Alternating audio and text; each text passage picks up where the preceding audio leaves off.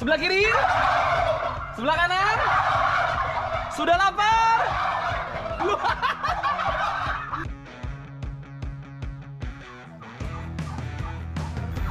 Kalau naruh telur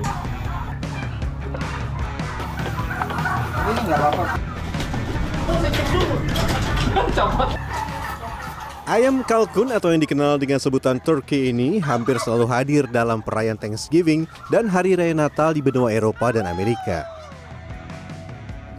Seiring perkembangannya, sajian ini juga telah merambah hingga ke tanah air.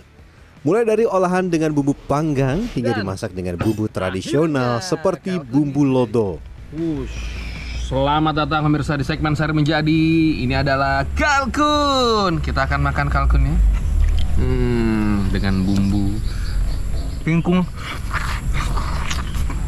Wah, empuk, lembut, bumbunya pun nyerap. Bikinnya kayak apa? Serunya kayak apa? Kita lihat yang satu ini. Dan saya sudah ada di kendaraan mobil bak terbuka karena kita akan cari makan dulu untuk kalkunnya. Rencana hari nyari enceng gondok ya Pak ya? Iya. Enceng gondok. Jadi nggak cuma ada protein atau makanan yang memang sudah dibuat untuk kalkun, tapi juga kita akan cari hijauannya. Waduh, makin gonjol jalanan.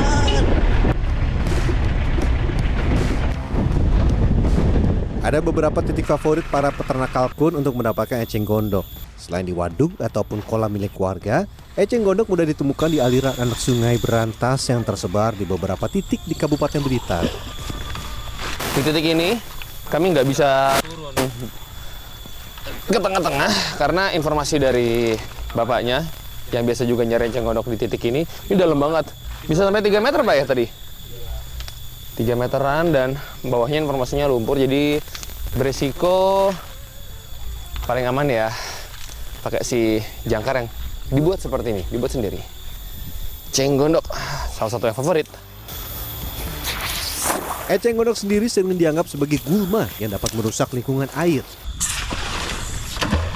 Wih, nyangkut rek. Aduh, ngap-ngap.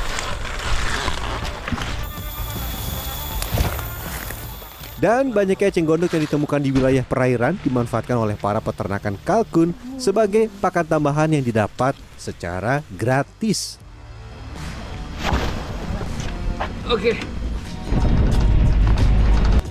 Meski dianggap gulma, bagi para peternak unggas, eceng gondok adalah solusi mudah dan praktis untuk campuran pakan yang memiliki kalsium dan protein yang tinggi. Hal ini baik untuk pertumbuhan kalkun. Eceng gondok tidak diberikan dalam bentuk utuh, melainkan dipotong kecil-kecil terlebih dahulu.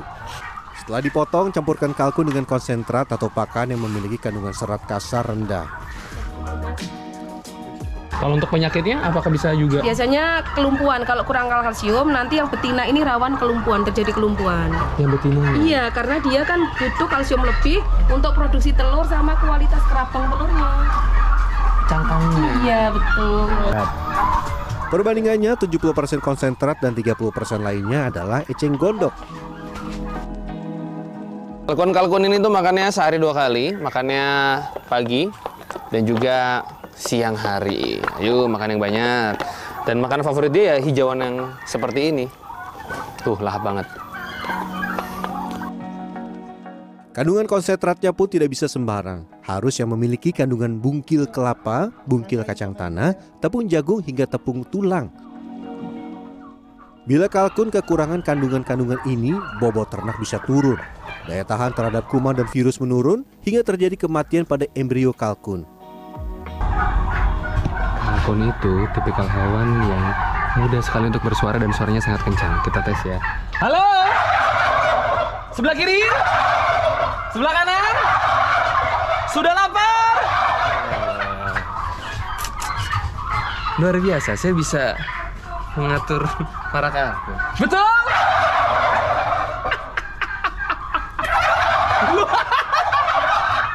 Menyambung ketawa saya, sefrekuensi kita ya.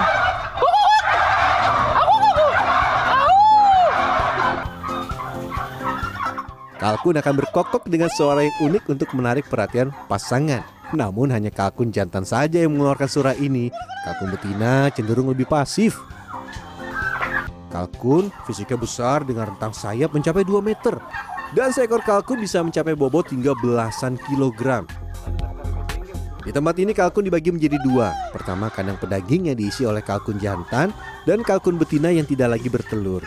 Yang kedua kandang petelur yang diisi oleh kalkun betina yang masih produktif. Kalau lagi ada berkumpul di pojok-pojok, nah itu biasanya lagi mengerami telurnya.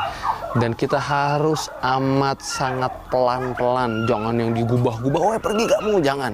Ini stres, potensinya nanti bisa nggak nafsu makan, ujung-ujungnya bisa berakhir pada kematian. Jadi harus pelan-pelan.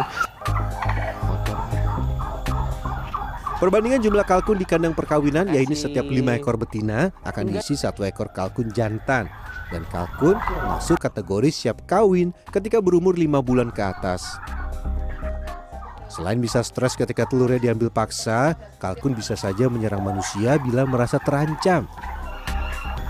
Kalau naruh telurnya, bagian yang ada rongga udaranya nih di atas. Nah, yang bagian lancipnya di bawah. Kalau tidak nanti rongga udaranya pecah, tidak bisa menetas. Kita cek ke pojok-pojok lagi. Gitu bergeser. Kalkun dewasa biasanya akan bertelur selama 15 hari berturut-turut dan akan mengerami telurnya selama 28 hari atau hingga telur menetas. Namun karena kebutuhan produksi kalkun yang meningkat, kalkun tidak lagi mengerami telur dan diganti mesin khusus. Kalau kita ambil tiap hari, dia akan bertelurnya kadang eh, bisa dua hari sekali, bisa satu hari sekali, kadang malah tiga hari sekali baru dia bertelur satu. Jadi memang udah karakternya kalau am di- dia dia dia berusaha untuk bisa bertelur tiap hari sebenarnya mas. Ya.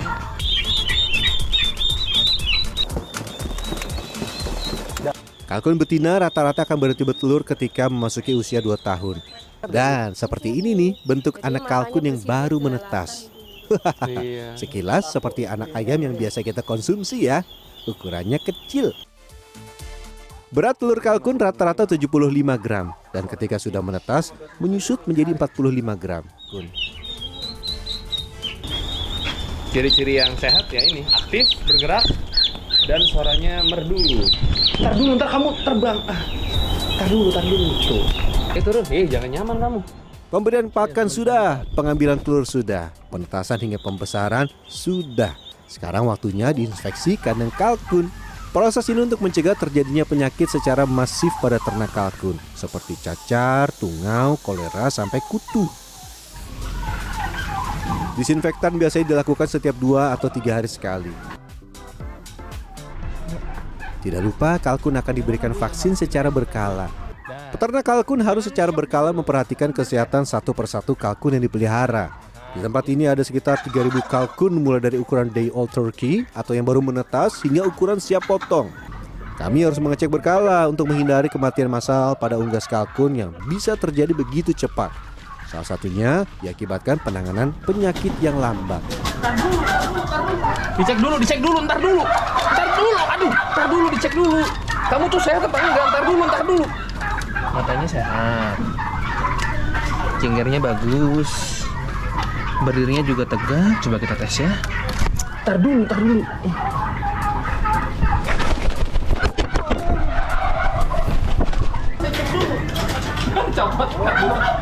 Penyakit lazim yang menyerang kalkun adalah lendir di bagian hidung yang membuat pembengkakan di area pipi kalkun. Penyakit pilek atau snot tergolong penyakit yang mudah menyebar, sehingga jika ada unggas yang sakit harus segera dikarantina.